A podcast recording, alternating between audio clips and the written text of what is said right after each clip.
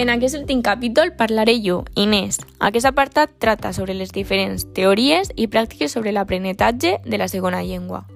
Començarem explicant les diferents teories i mètodes que coneixem i després continuaré amb diferents recomanacions per tenir una bona pràctica de la segona llengua en l'aula. Eh, en la filosofia de l'educació han hagut dues tendències, una d'aspecte racionalista i una altra d'aspecte empirista. Cadascuna d'aquestes tendències utilitza un mètode diferent.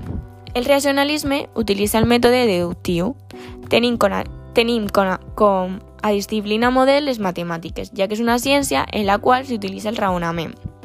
A continuació, en el segle XIX apareix un nou mètode, el mètode Prússia, en la qual la, la gramàtica i la traducció es van a convertir en una fi. El professor es converteix en el protagonista del procés educatiu i l'aprenentatge de la llengua passa a segon lloc. Finalment, la tendència empirista utilitza el mètode inductiu, un mètode experimental propi de les ciències de la naturalesa. En la història de l'ensenyament i l'aprenentatge de les llengües hem trobat el mètode tradicional, natural, viu, directe, humanístic, inductiu contextual i comunicatiu en l'actualitat.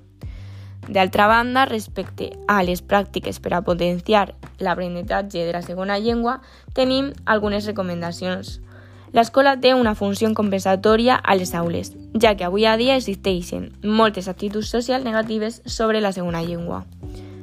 Per aconseguir això, hem de crear un ambient de confiança que afavoreix la comunicació, respectar les ritmes d'aprenentatge, parlar de manera molt contextualitzada, fer gestos a l'hora de parlar per a reforçar l'enteniment, destacar els avanços i corregir amb cura els errors més greus i, per últim, incloure activitats significatives.